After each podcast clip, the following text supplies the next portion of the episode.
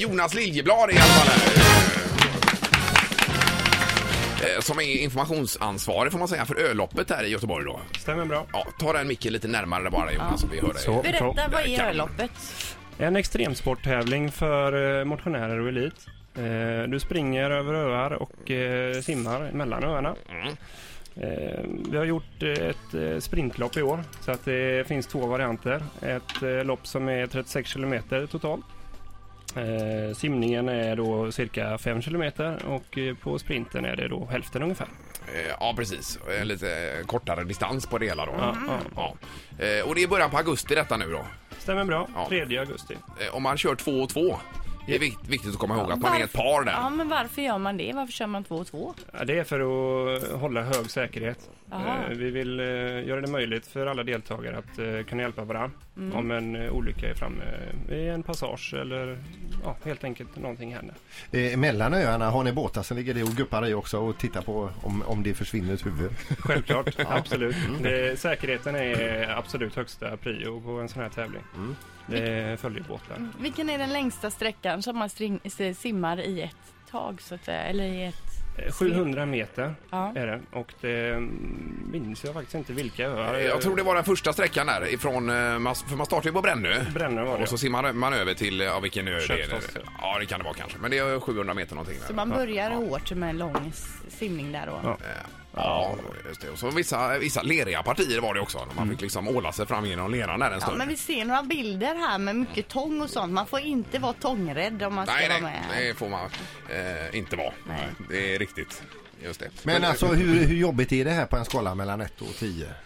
Det är en eh, jobbig tävling. Alltså det är många, det är främst eh, elit och duktiga motionärer som tar sig igenom det här bäst. Eh, så att man får vara god förberedd både på simning och löpning. Jag, tän- jag tänkte det, om man nu, nu är en sån här medelmotionär och har ändå klarat att springa hela Göteborgsvarvet. Är detta någonting för en annan då?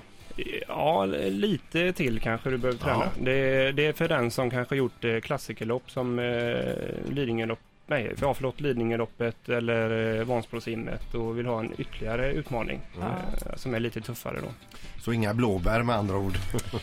Men det är, vi, som sagt, vi, vår målsättning är ju att få även eh, motionärer som inte är fullt så eh, förberedda att komma med på det här med sprintloppet då som är inte fullt lika långt. Och det är självklart eh, fortfarande en prövning för man är ju ute bland öarna och i havet. Men hur lång tid ungefär tar det för eh, ja, de bästa så att säga att genomföra loppet? Ehm, Det, vi har ju, förra året så fick vi in vinnarna på eh, 4.42 var herrarna.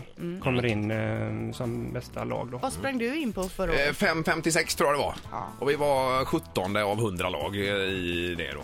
Men sen... eh, Ja, det Vad sa väl- du? 17 av 100 lag? Ja, det är ju 100 bra. herrlag var det väl då ja. Men jag menar Ted som jag körde med i fjol, han ska väl köra med någon Oscar här nu så de har nog tänkt att vinna. Man Ja. vinner inte med mig alltså, det gör man Nej, inte. men Utan man kan ju ändå komma topp 20 med dig i hasorna där. Ja, uppenbarligen så skulle det kunna funka.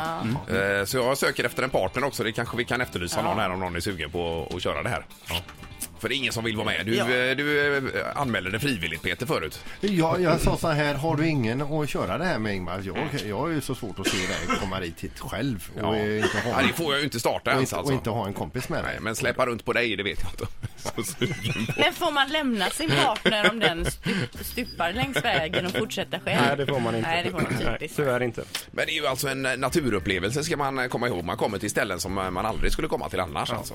Ja, det, det är ju en av huvudsyftena med tävlingen. Vi vill ju få ut eh, både göteborgare och eh, andra i skärgården.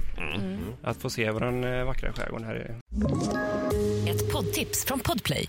I podden Något Kaiko garanterar östgötarna Brutti och jag, Davva, dig en stor dos skratt. Där följer jag pladask för köttätandet igen. Man är lite som en jävla vampyr. Man har fått lite blodsmak och då måste man ha mer. Udda spaningar, fängslande anekdoter och en och annan arg rant. Jag måste ha mitt kaffe på morgonen för annars är jag ingen trevlig människa. Då är du ingen trevlig människa, punkt. Något Kaiko, hör du på Podplay. Därför arkadeinerna.